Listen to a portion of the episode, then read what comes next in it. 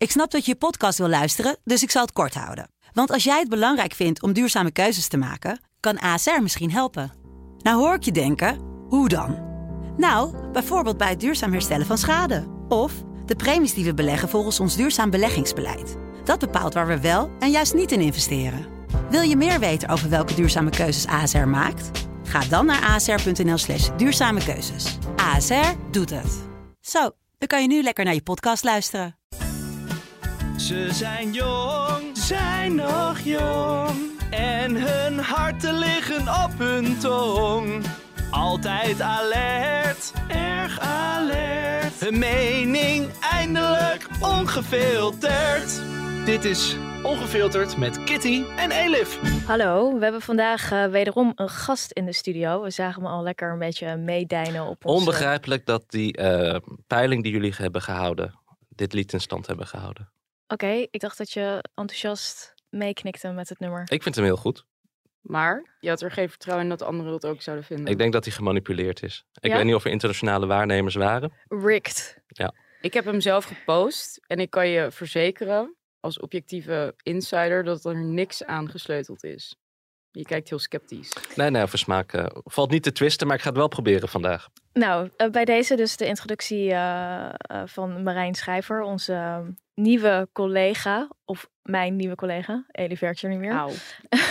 dit, voel ik echt binnenkomen. Dit. Maar had ze dat geweten, dan was ze nooit weggegaan. Precies, ja. ja. Nieuwe collega op de Amsterdam-redactie. Um, waarschijnlijk uh, kennen veel luisteraars hem omdat hij um, schrijver is, medeschrijver van het bekende boek De Mokromafia. En tegenwoordig is hij dus uh, Amsterdam-correspondent bij de Telegraaf. Dit is de grote Amsterdam-special. Maar de luisteraars hoeven niet uh, bang te zijn voor navelstaarderij, want we hebben Elif natuurlijk voor uh, wat provinciale inbreng. Ik ben hier om jullie scherp te houden. Ja, maar ten eerste, uh, jij schreef een boek over de mokromafia. Ja. Klopt. En jij was de eerste die daarin dook. Waarom? Wat, wat boeide je destijds? Nou, het kwam op mijn pad. Ik woonde in, in Amsterdam-West op dat moment. En, en jij bent echt geboren en getogen in Amsterdam? Nee, absoluut niet. Import? ja, ja, ik ben geboren in Friesland. En Oh, ja. ik heb nog in, in Alphen aan de Rijn, Zwolle, Groningen, ik heb overal wel gewoond. Alphen aan de Rijn, dat is wel echt heel... Uh... Ja, Waarom? Treurig. Waarom? M mijn vader die verhuisde veel. Maar goed, uiteindelijk in Amsterdam terechtgekomen, in Bos en Lommer. Dat ik alleen kende van het nieuws, van, van uh, hangjongeren. En, Want je en... ging werken in Amsterdam?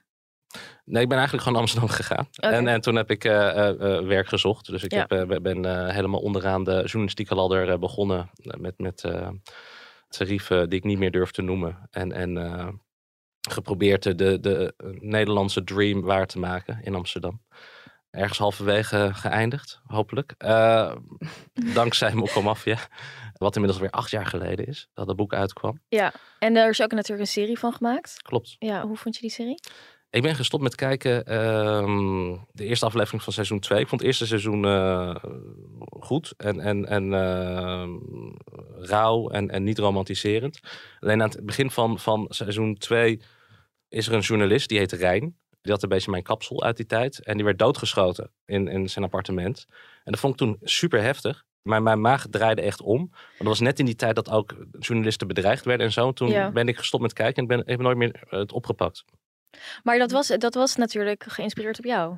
Die... Nou ja, niet, niet, niet helemaal. Maar, maar goed, aan de andere kant, het was wel in de serie de auteur van het boek Mokromafia. Ja. Maar goed, het was ook Daan Schuurmans. En daar lijk ik niet per se op. maar toch, het, het had uh, een effect. En hoe was dat om zeg maar helemaal zo die Amsterdamse straatcultuur uh, binnen te komen? Nou ja, fascinerend natuurlijk. Het begon eigenlijk met heel andere verhalen. Ik kreeg dus een netwerk op straat. Uh, en het ging eerst over was nog bij Dagblad de Pers, die, die gratis krant, over dat de politie bijvoorbeeld uh, minderjarige jongens uh, ronselde als informant. Oh ja. En uh, gaandeweg won ik een beetje vertrouwen. Niet dat ik hun verhaal klakkeloos overnam, maar wel hè, op een manier van dat ik het toch, toch op een leid tot kamervraag, bijvoorbeeld zo'n verhaal. En toen die onderwereld losbarst in 2012, toen zat ik eigenlijk op de eerste rij qua informatie. En had heel Mhm. veel informatie die uh, de politie niet had, die andere journalisten nog niet hadden. Ja, dat gaf natuurlijk een enorme voorsprong. En, en, en daaruit ben ik toen samen met Wouter gaan schrijven voor Nieuwe Revue. En dat leidde uiteindelijk tot een boek. Ja. En ben je ooit bang geweest qua bedreigingen of... Uh...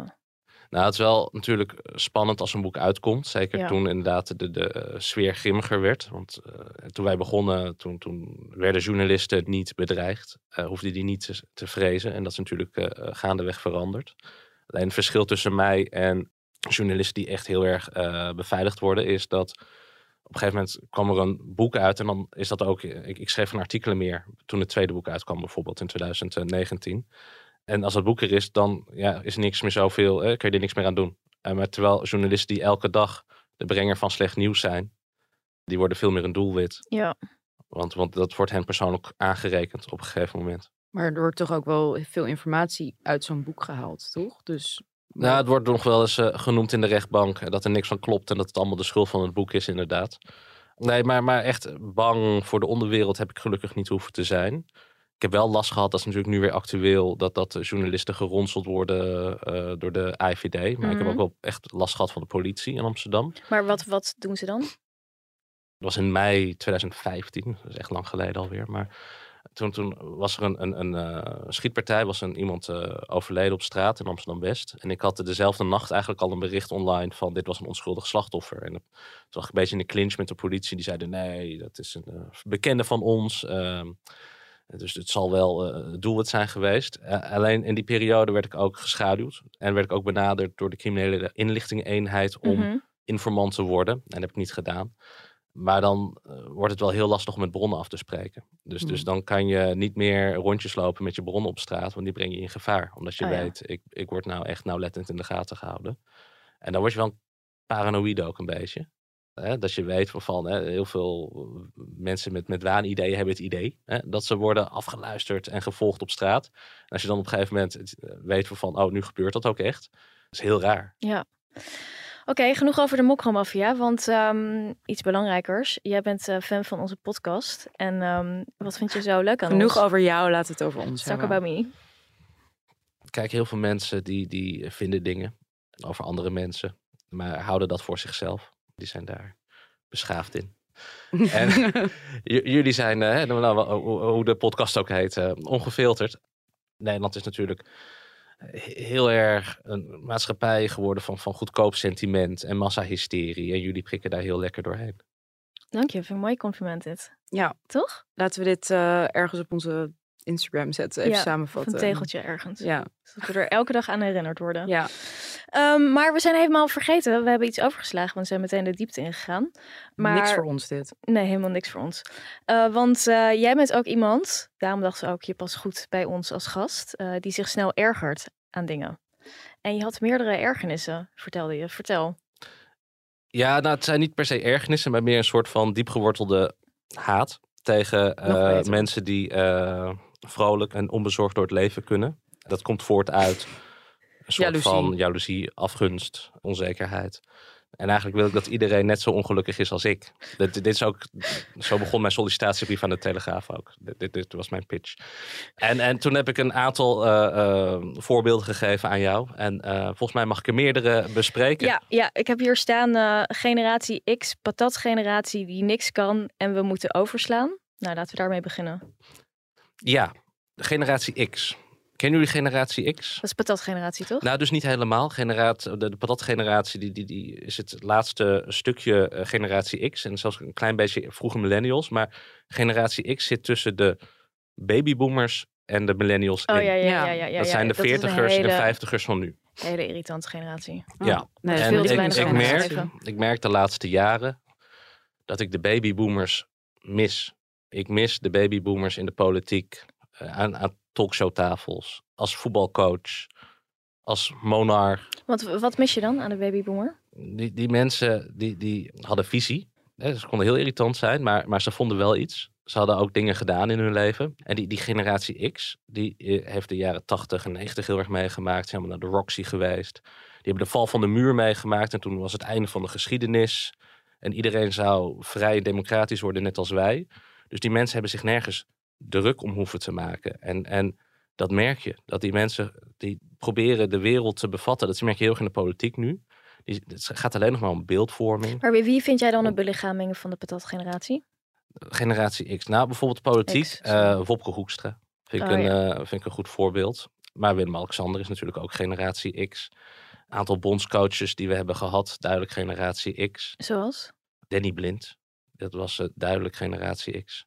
Eh, Frank de Boer. Ehm, maar het gaat erom, dat zijn mensen die gewend zijn, dus een consultancy-achtige eh, manier van, van alles aanvliegen met, met spreadsheetjes, met, met, met focusgroep onderzoeken en alles draait om die beeldvorming.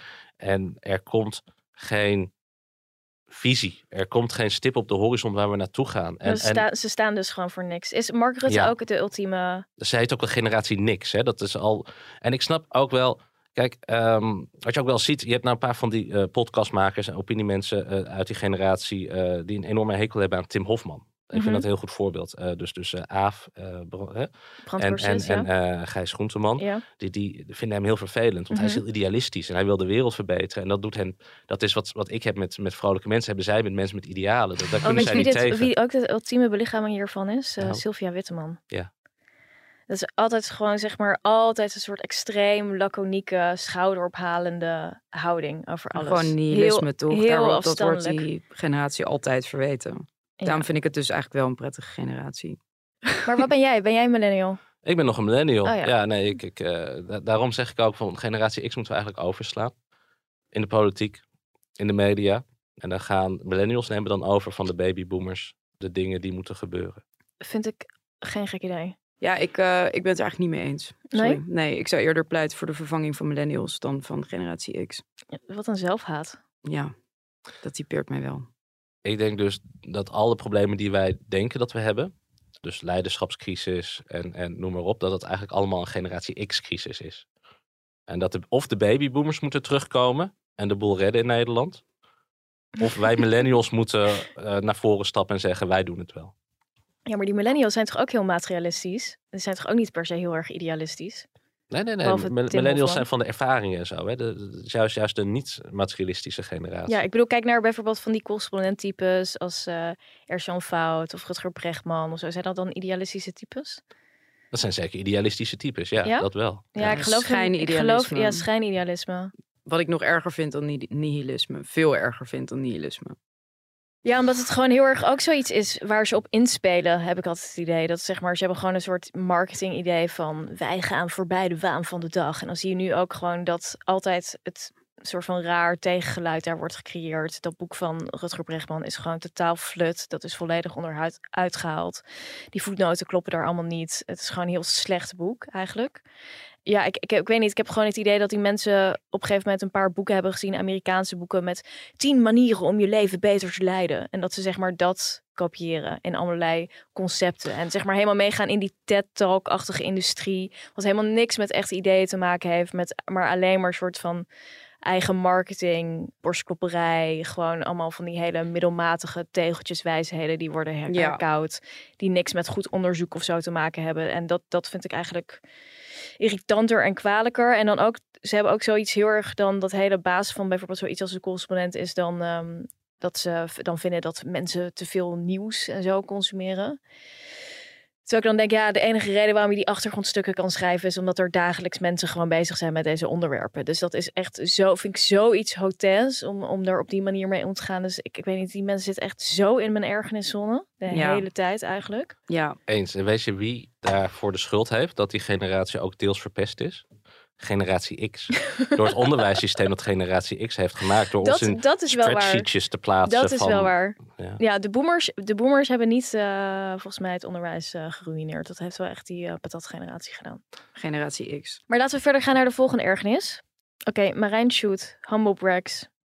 Kleine ergernis, ik, ik hou het kort, maar eh, ik zit tegenwoordig weer op sociale media, want ik ben weer fulltime journalist en ik moet alles in de gaten houden. En waar ik niet tegen kan, is als mensen iets leuks te melden hebben, een succesje, hoe ze dat verpakken op Twitter. Stel je voor, eh, je bent genomineerd met een eh, boek. Dan eh, zeg je niet, ik ben genomineerd voor een prijs, kun je op mij stemmen? hey, wat leuk. Ik hoor net dat ik genomineerd ben voor deze prestigieuze prijs. Oh, dat had ik echt niet verwacht. Nou, als je het leuk vindt, kan je op deze link op mij stemmen. Hij begint met een soort verbazing. Van, van eh, oh, tof, niet verwacht. En dan, dan komen ze met het feitje dat ze zijn genomineerd. Of, of dat ze eh, heel goed beluisterd worden in de, in de podcastlijsten. Hè? Of dat een artikel eh, trending is of wat dan ook. Hoe ze dat, dat aanvliegen, dat hoeft niet. Je hoeft niet te beginnen met, met eh, zeer vereerd dat ik de minister mocht interviewen Ja, het is altijd vereerd, zit er altijd in. Echt altijd. Maar, Maar weet je wat Het het, is- allerergste is? Sorry. ja, Bam. Als mensen dat, bam, genomineerd voor, of bam, dat dan echt wil ik dood gewoon. BAM is ook echt zo'n columntekst.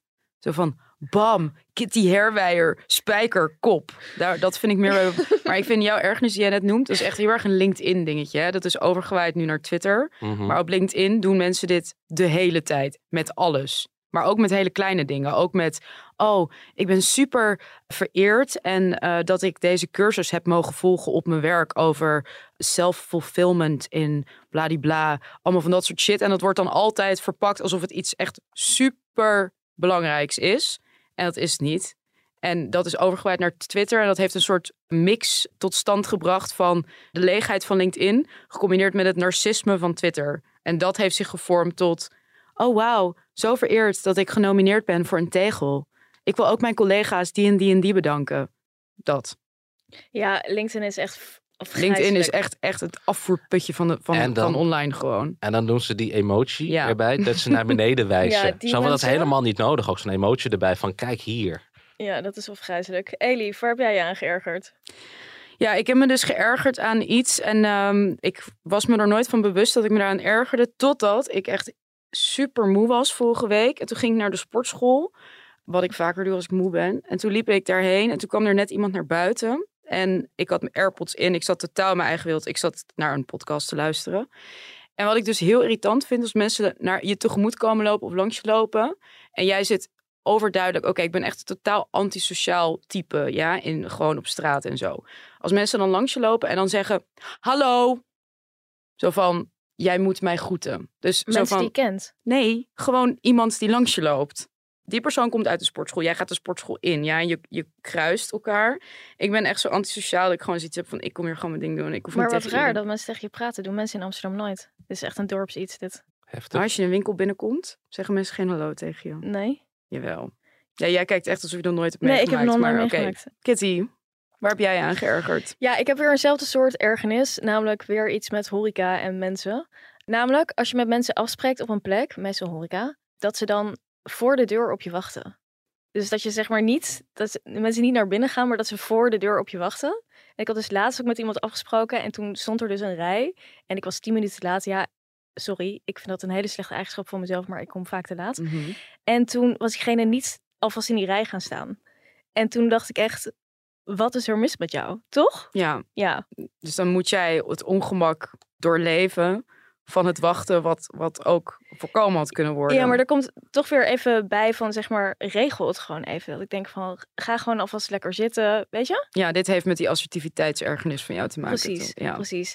En dan is er nog iets. Mensen die dan zeggen, als je met ze afspreekt, dat ze zeggen van, eh, zal ik je komen ophalen? Dat is alleen maar chill als iemand je met de auto komt ophalen, Ja. toch? ja, niet als je samen moet fietsen of Samen lopen. fietsen of samen lopen. Van, oh, zullen we samen daar naartoe lopen? Dan denk ik, waarom zou ik dat willen? Ik zie Ja. je gewoon daar, toch? Ja, dat, dat heb ik ook. Want dan loop je gewoon lekker in je eentje. En hoef je niet al een gesprekje aan te knopen terwijl je aan het lopen bent. Dat vind ik ook heel, heel niet chill. Precies. Maar er Ja. zijn dus heel veel mensen die dit heel chill vinden. Ja, ja. Ja. herkenbaar. Over die eerste ergernis. ehm, ik, ik ben best wel gezichtsblind. En voor mij is er niks ergers dan een café binnenlopen dat stampvol is. Op zoek naar degene met wie ik een Oh, afspraak ja. heb. En dat kan gewoon iemand zijn die ik gewoon supergoed ken. Zelfs een familielid.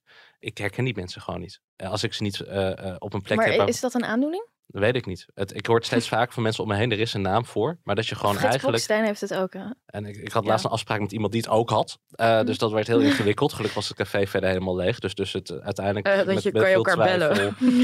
Maar, maar dus, dus dan snap ik dat je, als mensen daar last van hebben... dat, dat die dan misschien even voor de deur wachten. Dat vind ik wel een goede... iets, ja. Nou ja, ook wel. Maar het is ook wel, maakt het ook wel begrijpelijk. Ik heb er wel sympathie voor. Ja, we gaan het over Amsterdam hebben. Gehaat en geliefd. Elif, jij haat Amsterdam. Waarom? Waar verdienen we dit aan? Zo, dit is echt eh, bam, bam, zo erin. Jalla, bam. erin. Ehm, nou, ik haatte, haatte, Ja, ik weer altijd bitchen. Altijd als we afspreken ik- in dat- Amsterdam. Het heeft het- met, met meerdere dingen te maken. Nou ja, ik kan hier kan ik echt heel lang over doorgaan. De nummer één reden waarom ik het haat om in Amsterdam af te spreken... is omdat Amsterdam super inefficiënt geregeld is. Het duurt super lang om van de een naar de andere plek te komen. Als je ergens in de stad hebt afgesproken... en je hebt geen fiets of zo... en ik ga niet fietsen in Amsterdam... want dat is gewoon vragen om de dood. En daar ben ik nog niet klaar voor... ondanks al mijn, mijn soort van naargeestige... Nou ja, Mhm. ondanks mijn naar, naargeestige inborst. Alles duurt lang. Alles duurt hier lang. Echt alles. Dat, en dat heb je echt pas door als je hier niet de hele tijd bent. Echt waar. Elke andere stad in Nederland is beter geregeld dan Amsterdam. Amsterdam is ook iets groter dan Leiden. Ja, maar ik eh, wilde net zeggen, ook in Rotterdam bijvoorbeeld, of andere plekken, of, of überhaupt Londen of andere plekken. Nee, Londen is misschien wel vergelijkbaar, maar Londen is ook echt, denk ik, iets van twintig keer zo groot als Amsterdam. Amsterdam is ook weer niet zo groot. Hè? Dat is het volgende, komt, brengt me bij mijn volgende punt. De grootheidswaanzin van Amsterdam. De stad die zichzelf graag een metropool noemt, terwijl dat het gewoon, sorry, maar echt met alle respect, echt niet is. Amsterdam is denk ik het grootste dorp van Nederland omdat ook altijd als je in Amsterdam bent, kom je mensen tegen die je kent. Dat is niet normaal in een grote stad, in een metropool. Nogmaals, in Rotterdam gebeurt dat niet. Niet dat ik nou zo'n fan ben van Rotterdam, dat klinkt nu zo, dat is niet zo. Maar dat vind ik meer een stad dan Amsterdam. Nee, maar Rotterdam voelt ook veel stad zo. Maar ik vind het juist leuk aan Amsterdam dat het een soort groot dorp is. Ja, maar waarom heb je dan zo'n zo'n misplaatste arrogantie over jezelf Heb als stad? een- nee, niet oh. jij, je. Oh, Je is even Amsterdam. Maar is dat zo? Ja. Een ik ander, denk, ik heb meer het idee dat dat is iets wat andere mensen uit de provincie Amsterdam en Amsterdammers verwijten. Terwijl Nee, dat is ook waar. Amsterdammers daar echt niet zo Ja, er is altijd van die, van die mensen die dan heel pathetisch gaan doen. Die dan als ze geen groter huis meer kunnen betalen, dan moeten ze tussen aanhalingstekens naar een andere stad. En dan gaan ze heel weemoedig en treurig doen over Amsterdam. En over dat ze Amsterdam zo missen. En allemaal van dat gezeik. Ook al wonen ze misschien 10 minuten van Amsterdam af. Gaan ze in Zaandam wonen of iets anders vreselijks. Maar dat, en dat gaan is ze- ook heel erg. Ja, dat, tuurlijk is dat heel erg. Maar goed, je moet gewoon niet, je moet gewoon niet zeiken. Of je moet gewoon genoegen nemen met iets kleins. Maar goed, het is, mensen dichten er zoveel betekenis aan toe die er niet is. En wat nog een ander ding is, dat is dat bijna iedereen die altijd zo loopt te dwepen met Amsterdam, niet uit Amsterdam komt. Ja, dat is wel En dat waar. vind, ik, dat vind ik eigenlijk een van de grootste ergernissen aan Amsterdam. Komen mensen echt uit het oosten en uit Groningen of weet ik veel. Echt uit de middle of fucking nowhere. Die wonen dan drie jaar in Amsterdam en dan doen ze alsof ze echt een soort cosmopoliet zijn. Echt, shoot me gewoon. Dat, ik vind het echt Dat is, ook, dat is ook het mooie van Amsterdam. Te- Allereerst, ik kom nooit iemand tegen die ik ken in de stad, maar ik ben dus ook gezichtsblind. Eh, Dat verklaart het ene. maar wat ik mooi vind, kijk, Amsterdam is zeker wel een metropool inmiddels. Eh, dat is in de sinds de brexit heel hard gegaan. Amsterdam is nu gewoon internationaal bij toeristen en bij bedrijven en bij, bij expats gewoon Mhm. extreem in trek. Eh, dus dus het, het, het stadje, het dorpje, dat is echt wel voorbij. Alleen het mooie van Amsterdam is, kijk, iedereen is import. Ik ben ook import.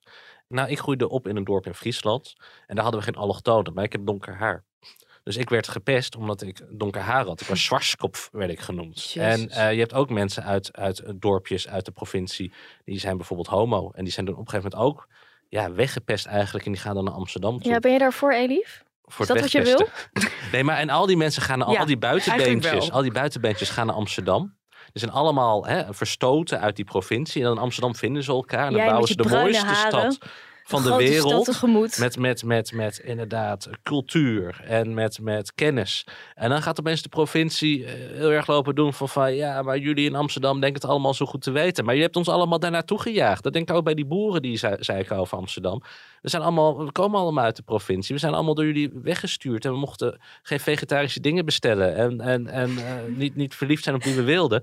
Dus we zijn allemaal naar Amsterdam gegaan. En nou Ja. is het hier heel leuk. En dan ga je lopen zeuren. Maar die brain drain, die hebben ze zelf veroorzaakt.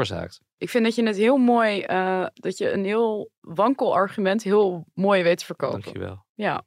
Want vind jij dan dat alle leuke mensen van Nederland in Amsterdam wonen? Nou, ik, ik, ik ben sowieso niet heel erg van de mensen. Maar ik was laatst... Ik, ik, Wat een gezellige podcast dit. Mijn vakantie was, ik heb mijn, mijn eh, zoontje in de bakfiets gegooid. En we zijn door Nederland gaan fietsen naar Ameland. En via, via Flevoland en, en eh, de Veluwe terug. En dan kom je, nou ja, eh, half Nederland tegen. En, en zo leuk is het niet buiten Amsterdam. Heel veel windmolens, echt extreem veel. Koeien, veel alpalka's. Bizar, om de twee kilometer vind je in de provincie tegenwoordig zijn iemand die- alpalca's in Ja, zijn die tuin zijn heeft. heel eh, Dat is populair toch op Instagram. schattig? Ja, die zijn super cute. Maar waarom? waarom is dat nou weer iets slechts? Nou ja, als je ze één keer hebt gezien, is het nieuwe er wel vanaf. En dan denk je, nou, Nee, staan ze hier ook zijn weer alpaca's. Wat, wat Nou, ik geven heb die liever wel? alpaca's dan windmolens. Nou, ze zijn er allebei in de provincie. Maar er zijn andere dingen die jou ook wel ergeren aan eh, Amsterdam. Buiten dat je het heel leuk vindt hier. En als Amsterdam-verslaggever hou je ook bezig met ehm, de proletencultuur in deze stad. En eh, de verkeerde aanpak van toeristen. Laten we bij het begin beginnen. Proletencultuur. Nou, wat ik mij opvalt is, ik, ik krijg nou weer een, een, een nieuwe generatie jongeren in de stad. En, en er is zo weinig veranderd. Bijvoorbeeld die straatcultuur. Mhm. De, de, de, de hip-hop cultuur, de, de eh, blikjes Red Bull cultuur, zeg maar. Hè? Mhm. Dat blijft. Dat is geen fase geweest zoals de Gothics en de Gabbers en de Provo's. ik zijn weer terug trouwens. Ik zag er Oh, laatst een paar. Ja, heel ik was leuk. emo, dus ik kan dan daar ook weer een beetje op meeliften. Maar dat is heel wijd verspreid geworden. Onder twintigers, onder, onder tieners. Dat het heel normaal is geworden om een instelling in je leven te hebben van get rich or die trying. Weet Mhm. je wel? Dat, dat het erom draait dat je zo snel mogelijk rijk moet worden. Of moet aanhaken bij iemand die rijk is. Of het nou via voetbal is of via influencer zijn of, of noem maar op. Of crypto. Of, eh, Crypto is ook een heel goed voorbeeld van, Ja. inderdaad. En, en dat we toch nog steeds die mensen worden op een schild gehezen eh, op, op sociale media. De mensen die dat hebben gemaakt dan. Hè, dus de, de, de hiphoppers en acteurs en sporters en, en rijke mensen, jongeren. En we doen daar niet genoeg tegen. Het, het is nog steeds zo dat, dat in het onderwijs dat we denken van leuk, we gaan TikTok filmpjes doen. Of we gaan een rap maken over iets wat we behandelen. Stop ermee. Ik ga bijna pleiten voor, voor van die renaissance scholen, hè, denk ik. Ehm, nee, maar het, het, het valt mij op dat het niet verandert. En ik dacht dat het loopt wel een keer los. Maar dit is het gewoon. Red Bull cultuur. Daar moet het gewoon mee doen voor de tieners. Nou, ja, ik- Forever. Ja, en ik merk ook dat, dat eh, je hebt tegenwoordig in Amsterdam ook heel veel rijke mensen. Hè? De, die Ja. hele middenklasse verdwijnt. Je hebt er ook door die expats, er zijn heel veel rijke mensen en die hebben heel veel geld te besteden. En die geven dat bijvoorbeeld uit aan eh, een wenkbrauwspecialist, aan een personal trainer voor een bootcamp in de openbare ruimte. En het zijn allemaal mensen die dat, die service kunnen leveren en als ZZP'er daar duizenden euro's mee kunnen verdienen. Hè? Die gaan geen pensioen opbouwen, geen arbeidsongeschiktheid, die kunnen nooit een hypotheek krijgen, maakt niet uit. En ondertussen loopt het leeg bij de essentiële banen in de stad. Dat, en wat dat zijn de moet essentiële anders. banen dan? In Gewoon onderwijs, Ja. eh, zorg, eh, de- beveiliging. Op, waarom zou je beveiliger worden of politieagent als je ook een bootcamper kan worden en twee keer zoveel kan verdienen als ZZP'er dan? ja. Ja. Mag ik daar nog even iets aan toevoegen over, Ja, heel die, veel. over die jongeren, die, wat je net zei met de Red Bull en dat soort dingen, is volgens mij, moet ik even zeggen, niet alleen een Amsterdams probleem, maar dat is volgens mij een beetje overal. Maar wat daar me ook heel erg aan ergert, is de combinatie van het totaal niet normaal de taal beheersen. En niet alleen bij allochtonen, maar ook, ook bij autochtonen. Dat vind ik zoiets ergs. Ze schreeuwen ook altijd. Ze lopen altijd te schelden met kanker. Het is echt zo trash. Ik voel me echt een oud wijf als ik dit zeg. Want ik denk dat, dat oude mensen dat ook over ons zeiden toen wij rond de 16 waren en zo. Maar ik kan me gewoon bijna niet voorstellen hoe deze mensen ooit gaan opgroeien tot gewoon functionerende goed, volwassenen. ja, ik vind het wel lastig, want zeg maar, er zitten dan bij mij in mijn partiek, ik woon dan in het centrum van Amsterdam en ik woon dicht bij een ROC. Eh, en er zitten dus altijd mensen te roggelen en te roken en te blowen in mijn partiek en zo. En ik ging vroeger ook roken in partieken op de middelbare school, Ja. dus dan, ja. Ja, ik daarom. Nee, maar dat bedoel ik. Daarom met weet mij ik is het dus ook niet. goed gekomen. Dus, eh, maar aan de andere kant denk ik wel van. Want het is ook zo cliché om altijd te zeggen van, oh ja, die jeugd en dit Ja, en dat. maar daarom zei eh, ik, ik voel me echt een, een super oud wijf als ik Ja, ik zeg. voel me dus ook als ik geconfronteerd word met hun, voel ik me dus ook een oud wijf. Dus dan probeer ik zeg maar eh, cool te doen van, eh, ik vind niet erg als jullie hier zitten, maar eh, willen jullie rommel opruimen?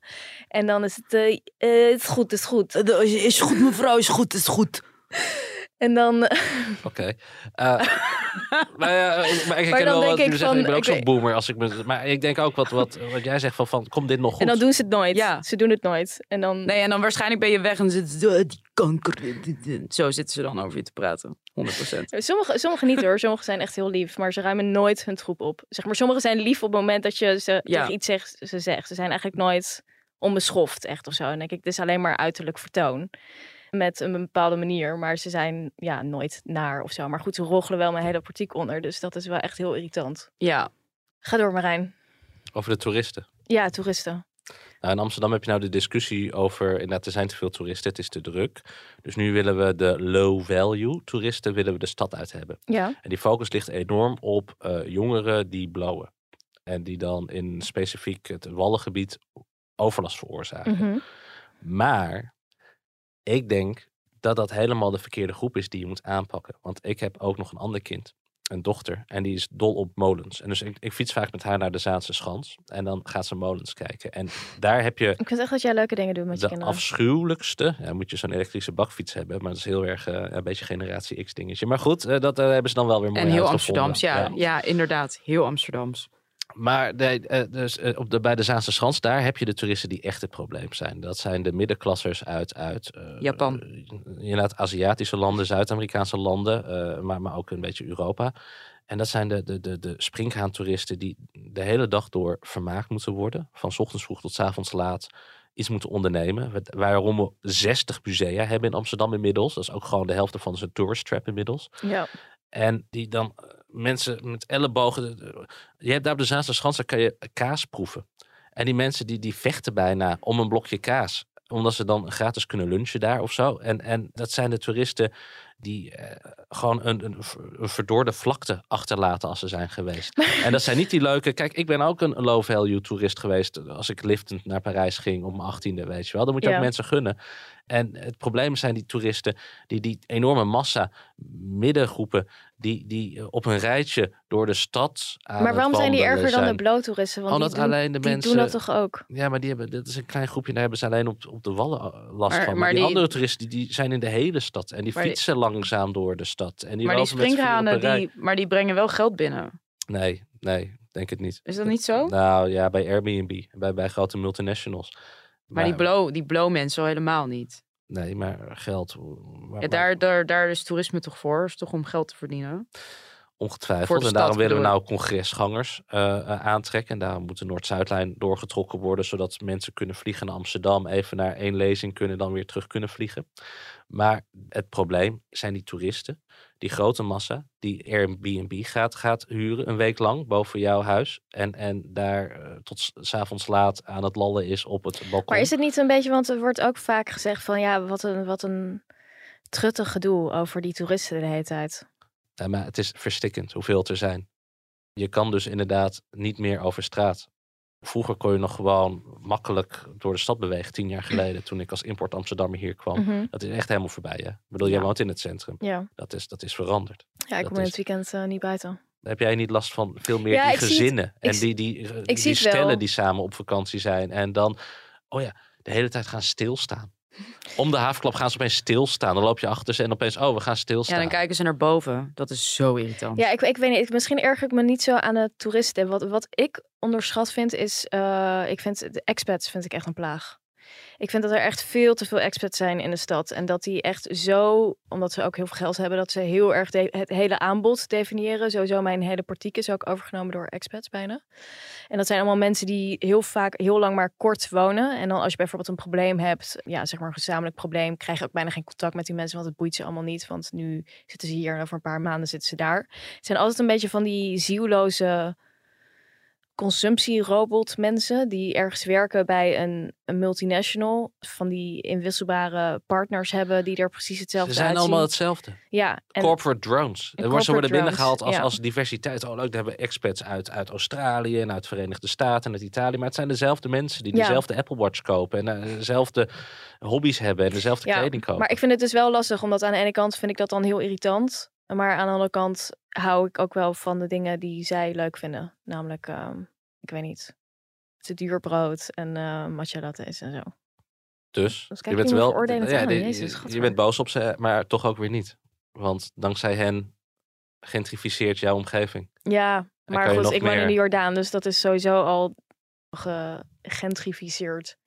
Nou, wat Al ik merk is dat heel veel expats die kijken ook een beetje neer op de Nederlandse local soms. Als Ja, je ook dat- in die dat groepjes zit, dan, dan kan je het ook wel lezen wat ze onderling naar elkaar sturen over hoe we praten en hoe we in het leven staan en zo. Dan maken ze grapjes. Ja, maar ze hebben gewoon helemaal een eigen bubbel. Ik bedoel, dat heb je altijd als je misschien ergens als international of zo bent. En het is onze schuld, zegt iedereen. Hè? Wij willen Mm. niet met ze omgaan. En... Nee, maar dat is wel waar. Nederland zijn niet open. denk ik. Je, het is niet zo snel dat je eh, iemand... eh, Een keer vertelde iemand me, die kwam uit Spanje. En die werkte in Nederland eh, als eh, in de keuken of zo. eh, als bijbaan, studentenbijbaan. Toen op een gegeven moment werd er dus collega's gevraagd, aan hem gevraagd van... ehm, Oh, ga jij iets doen met kerst? En toen zei hij, nee, nee, ik heb niet echt familie hier. dus, en toen zei iedereen van, oké, oké, nou, fijne kerst. En dat vond hij zo onbegrijpelijk en erg dat niemand hem had uitgenodigd. Wat eigenlijk wel, en toen dacht ik van, oh ja, ja, ik denk wel dat het heel Nederlands is. Want ik zou ook niet super snel iemand uitnodigen, zeg maar, kerst met mijn familie. Dus toen dacht ik, oh ja, dat is wel gewoon best wel apart. En zoals jullie weten heb ik in Israël gewoond. En daar eh, nodigen mensen je voor de feestdagen gewoon altijd uit. Zeg maar, niemand zou ooit iemand alleen laten zitten tijdens feestdagen. Ik denk dat het in Turkije een beetje hetzelfde is. Maar in Nederland is dat dan gewoon... Je gaat niet een of andere vreemde Spaanse gast meenemen met je kerstdiner. Ja, maar even eerlijk, maar jij zou dat toch ook niet doen?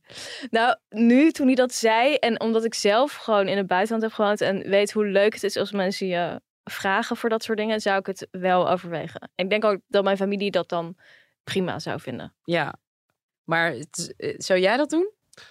Mensen uitnodigen met kerst. Nou ja, in, in deze situatie dat iemand dan dus eh, zielig loopt te doen dat hij, dat hij niet naar familie kan. En dat ga jij hem dan uitnodigen Jawel. als een soort asielhond. Nee, je moet er zin in hebben met twee kleine kinderen een kerstdiner vieren. Maar Ja, toch? Ik zou het echt het allerchills vinden als je hem dan uitnodigt en dat hij dan vervolgens heel erg gaat bitchen over het eten. dat zou ik echt prachtig vinden. nou, nou, dat is een mooi bruggetje naar waar ik het eigenlijk over wil hebben vandaag. Oké. Oh, De hetsen tegen de Nederlandse tomaat. Dat is mijn nummer één ergernis. Nu al een paar jaar. Komt alles samen. Generatie X, de expats. Oké, laat ik beginnen. Ik heb, een, ik heb een vriend. Die kreeg een Griekse vriendin. Ja. En opeens werd hij heel elitair. Generatie X is die gast. Over tomaten. Dat Nederlandse, Nederlandse tomaten hebben geen smaak. Ja, dat hoor je En mensen heel vaak zeggen. Ja. Dat is opeens een ding. En er is een hele leuke tweet over geweest van, van Eva Hoeken. Van, van eh, oh nee, ik, ik nam mijn hap en ik proefde niks. Ik dacht corona, maar oh nee, gelukkig was het gewoon een Nederlandse tomaat. Leuk, heb ik ook geretweet denk ik.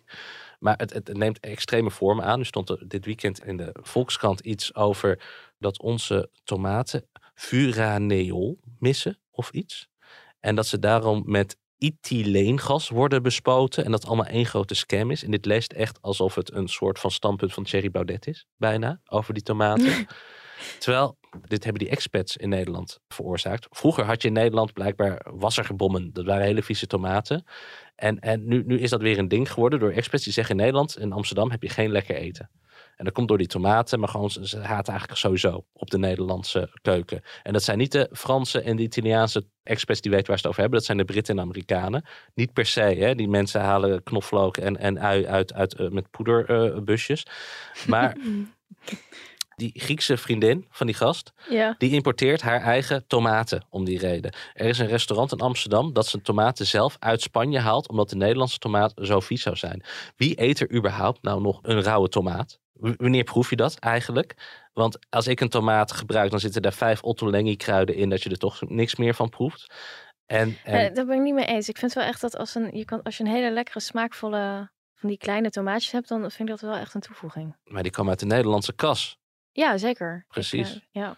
Dus ik, ik, ik verweer mij daartegen dat de Nederlandse tomaat geen smaak zou hebben. Ik vind dat extreem elitair. Het is een beetje het ding waar nu iedereen het over heeft, inderdaad. Zoals vroeger hadden mensen opeens over bier dat doodsloeg, dat slecht getapt was. Dat was op een gegeven moment ook een paar jaar lang een ding. Dat iedereen zei, oh mijn bier, dat is schaal, dat is doodgegaan omdat het slecht getapt is. Dat is nu de tomaat. In bredere zin, kijk vroeger... Als, als internationale bezoekers naar Amsterdam kwamen, dan vonden ze eh, de Albert Heijn bijvoorbeeld heel leuk. Want dan zagen ze kant-en-klare salade. Zeiden ze, oh wat leuk, jullie hebben allemaal dingen voor één persoon. eh, Dat je gewoon kant-en-klaar kan kopen. En op een gegeven moment liep ik door de pijp en toen hoorde ik iemand zeggen: Dutch food is really shitty. En, en sindsdien hoor ik dat steeds meer dat Nederlands eten vies zou zijn. En dan hebben ze dus. Er zijn, zijn eh, promovendi op de UVA. Die, die dan als Nederlands een broodje kaas gaan eten. Heel erg gaan, gaan kokhals. En dat eet je toch niet. En dan komen ze met hun eigen restjes kip. Salade, dingen wat in de magnetron gaat. En dan ruikt alles daarnaar. En, en er is dus een enorme hetze tegen de Nederlandse keuken. En heel veel Nederlanders doen daar inmiddels aan mee. Dat zijn culinaire collaborateurs. Die, die, die geven daaraan toe. Ik denk dat ik dat ben trouwens. Ja, dat denk Ja. ik ook. Nou, wij hebben het hier wel eens over gehad, want dat is een van de weinige standpunten van Thierry Baudet waar wij ons volgens mij allebei in kunnen vinden, is zeg maar het ageren tegen de Nederlandse broodjescultuur. Ja. De lunch broodjescultuur.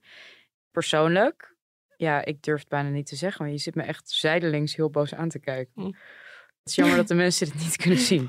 Maar ehm, ja, ik ben echt team expert hierin, sorry. Viel me ook op, ik ken die uitspraak van Thierry Baudet. Daar denk ik ook wel van, hoe kan je een, een eh, extreem nationalistische politicus zijn... Ja, en dan de essentie van de Nederlandse volksaard... eh, Maar eh, dat, dat, is, dat is sowieso wel eh, zo bij hem. Hij heeft eigenlijk een hekel aan alles wat echt Nederlands is. Dus zal zijn, toch wel idee, iets... zijn idee van Nederland is een soort heel raar Frans 19e eeuws idee. Dat heeft zeg maar niks met wat Nederland echt is of ooit is geweest te maken. Alle dingen waar Nederlanders dan trots op zijn, zoals als het Duncan Lawrence en zo- of zo de Songfestival wint. Da- daar, daar, Hier noem je ook echt het beste voorbeeld inderdaad. maar dat is wel iets wat gewoon... ons echt als, als Nou, dat is wel iets waar dan echt iedereen, wat iedereen gewoon echt super leuk vindt, toch? Ik vond dat ook heel leuk. Ja, jij niet, omdat jij ook een, uh, ook een foof bent, net als uh, Thierry Baudet, Edivisieman. Waar hadden we het over? Over, over onze keuken. Amsterdam heeft meer Michelin-sterren dan bijna welke wereldstad dan ook. Iets zal wel goed zijn met ons eten, want we zijn de langste mensen ter wereld. Ik weet zeker dat over een paar jaar komt opeens de Dutch diet. En dat gaat dan de hele wereld over. En dan gaat heel Nou ja, je de hebt wereld eten als al Nederlanders. gewoon uh, groene kool, kale, wat dan een superfood is in Amerika en waar ze helemaal uh, wild van worden. Toch? Ja. Mag ik wel nog iets zeggen over die tomaten? Ja, dan, dan, jullie gaan me dan weer haten. Maar goed, ik uh, vind eigenlijk ook Nederlandse tomaten heel vies. Maar het ligt eraan, zo, wa- het ligt eraan, Nee, nee, nee. Het ligt eraan welke oké, tomaten. wacht, wacht, wacht. Ja, welke dat wilde ik dus net zeggen. Behalve dus die specialistische tomaten, die kleine, ik weet niet meer hoe die heten, maar je hebt zeg maar zo'n kleinere tomaat. Honing, honing, iets? Je hebt van die snoeptomaatjes, die, daar zit sowieso heel veel smaak aan. Die zijn heel lekker. Nee, die bedoel ik niet. Ik bedoel, het is wel een normale tomaat, maar hij is kleiner van een stuk dan. Een cherry. trostomaat. Ja, zijn het is die- een soort trostomaat, maar het heeft een andere naam. Ja, het zijn die eh, kleine, ik snap. Romaatjes. Zijn- Ja, die, nee, want dat zijn nee. weer kle- Tomaten. nee, dat zijn weer hele kleine. Nee, het is Nee. zeg maar van Albert Heijn bedoel je die kleintjes, toch? Ja, Ja, die, die. zijn echt super lekker. Ja, die vind ik heel lekker. Tasty Ja. Toms. Tasty Ja, Toms, Ja, die zijn ja, supergoed. Ja. Dit is geen reclame. Maar Albert Heijn, je kunt ons sponsoren. Ja, precies. Ja. Maar die bijvoorbeeld, maar die had je vroeger niet. En vroeger waren Nederlandse tomaten wel echt gewoon heel goor. Die waren bijna ook niet rood. Die waren gewoon oranje. Vroeger. Vroeger, als in ja, een paar jaar geleden, vijf jaar geleden of zo, tien jaar geleden. Eh, Wil je nog iets zeggen? Ben je blij met alle ergernissen die je hebt kunnen uiten? Nou ja, kijk, ik had nog een ergernis. Ik had vandaag een eh, collega bij de Telegraaf. Die ehm, zei welk artikel ik moest maken. En met bronnen aankwam die ik moest bellen. En, en wat er allemaal in moest. En, wat en, en daar ben ik de hele dag mee druk geweest. En Weet je daar- wat is, Marijn? Je zou misschien ook dankbaar kunnen zijn voor de input die mensen je geven. Nou ja, dat was wel hard werken daardoor. En daardoor heb ik me minder goed kunnen voorbereiden op al mijn ergernis. Dus als mensen nou denken, wat, wat, een, wat een zwak verhaal van die millennial. Hè? Geïrriteerde generatie X mensen die luisteren. We hebben wel veel generatie X'ers die luisteren. In theorie kan ik dit beter onderbouwen. Eh, Dit zijn, waren ergernissen die, die passen niet in een tweetje. Maar ik besef ook dat, het, dat ze te licht waren voor een essay of een column. Dus uh, dankjewel dat, uh, dat ik een podium hiervoor mocht uh, Ja, krijgen. ja. Nogmaals, het klinkt als een hele fijne, prettige collega. Zou ik uh, waarderen. Oké, okay, dankjewel Marijn. Heel leuk dat je er was. Dank je. Doei. Doei.